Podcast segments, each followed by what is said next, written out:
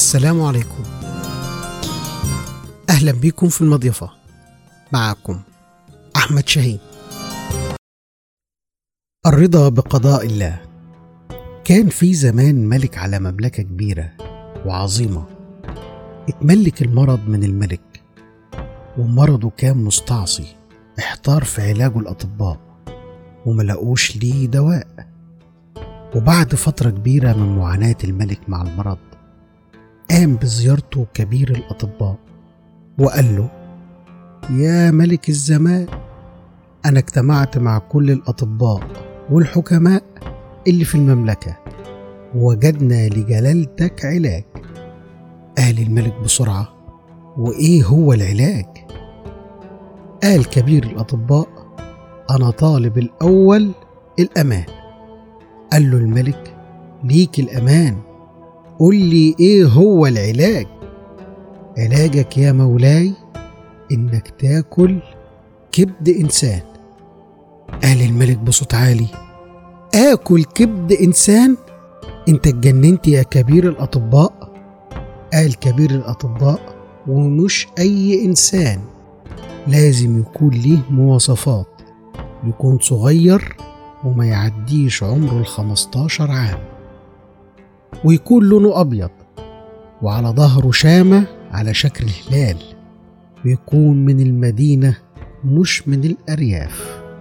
هو ده دواك يا ملك الزمان. استغرب الملك. ومن شدة المرض أمر رجاله يدوروا على الإنسان اللي فيه المواصفات دي في المدينة. وفعلا وجدوه. وقالوا للملك على مكانه وكان ولد صغير. فقير الحال. أبوه وأمه يدوب عايشين. إداهم الملك هدايا كتير وأمر ليهم بالذهب وبنى ليهم قصر يعيشوا فيه. علشان يوافقوا يدوله ابنهم يذبحه وياكل كبده. وفعلا وافق الوالدين وسلموا ابنهم للملك. وفي اليوم المحدد نادى الملك على القاضي وقال له يا قاضي المدينة هو حلال قتل نفس بغير نفس علشان يزول عني المرض وأشفى؟ رد القاضي وقال على طول ومن غير تفكير يا ملك الزمان قتل واحد من رعاياك عشان تاكل كبده وتشفى وترجع زي زمان حلال يا مولاي وما فيهوش أي حرام. ودخل الولد. ومعاه السياف وقف قدام الملك علشان ينفذ أمر الإعدام. بص الملك على الولد لقاه بيبص على السياف وبيرفع راسه للسما وبيبتسم. سأل الملك أنت بتبتسم وأنت في إيد السياف اللي هيقطع راسك وتموت في الحال؟ أنت بتبتسم ليه؟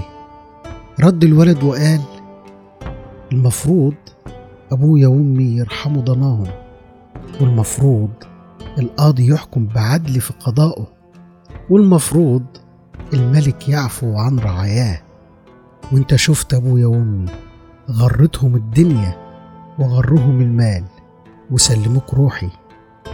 وانت سألت القاضي فخاف من بطشك وما خافش من بطش العزيز الرحمن. وانت يا مولاي لقيت شفائك في أكل كبدي فأمرت بقتلي وأنا ماليش ملجأ ليا غير ربي فرفعت راسي إليه راضيا بقضائه بكى الملك وقال والله حتى لو مت من المرض مش ممكن أقتل نفس زكية. تعال يا ابني وعفى عنه الملك وزود في عطاياه. وما عداش أسبوع والملك ربنا شفاه وعفاه من مرضه. الرضا باب الله الأعظم وجنة الدنيا وبستان العارفين.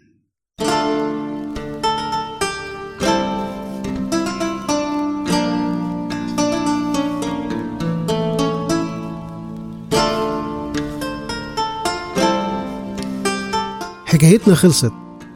مستنيكم الحكاية اللي جاية. في المضيفة.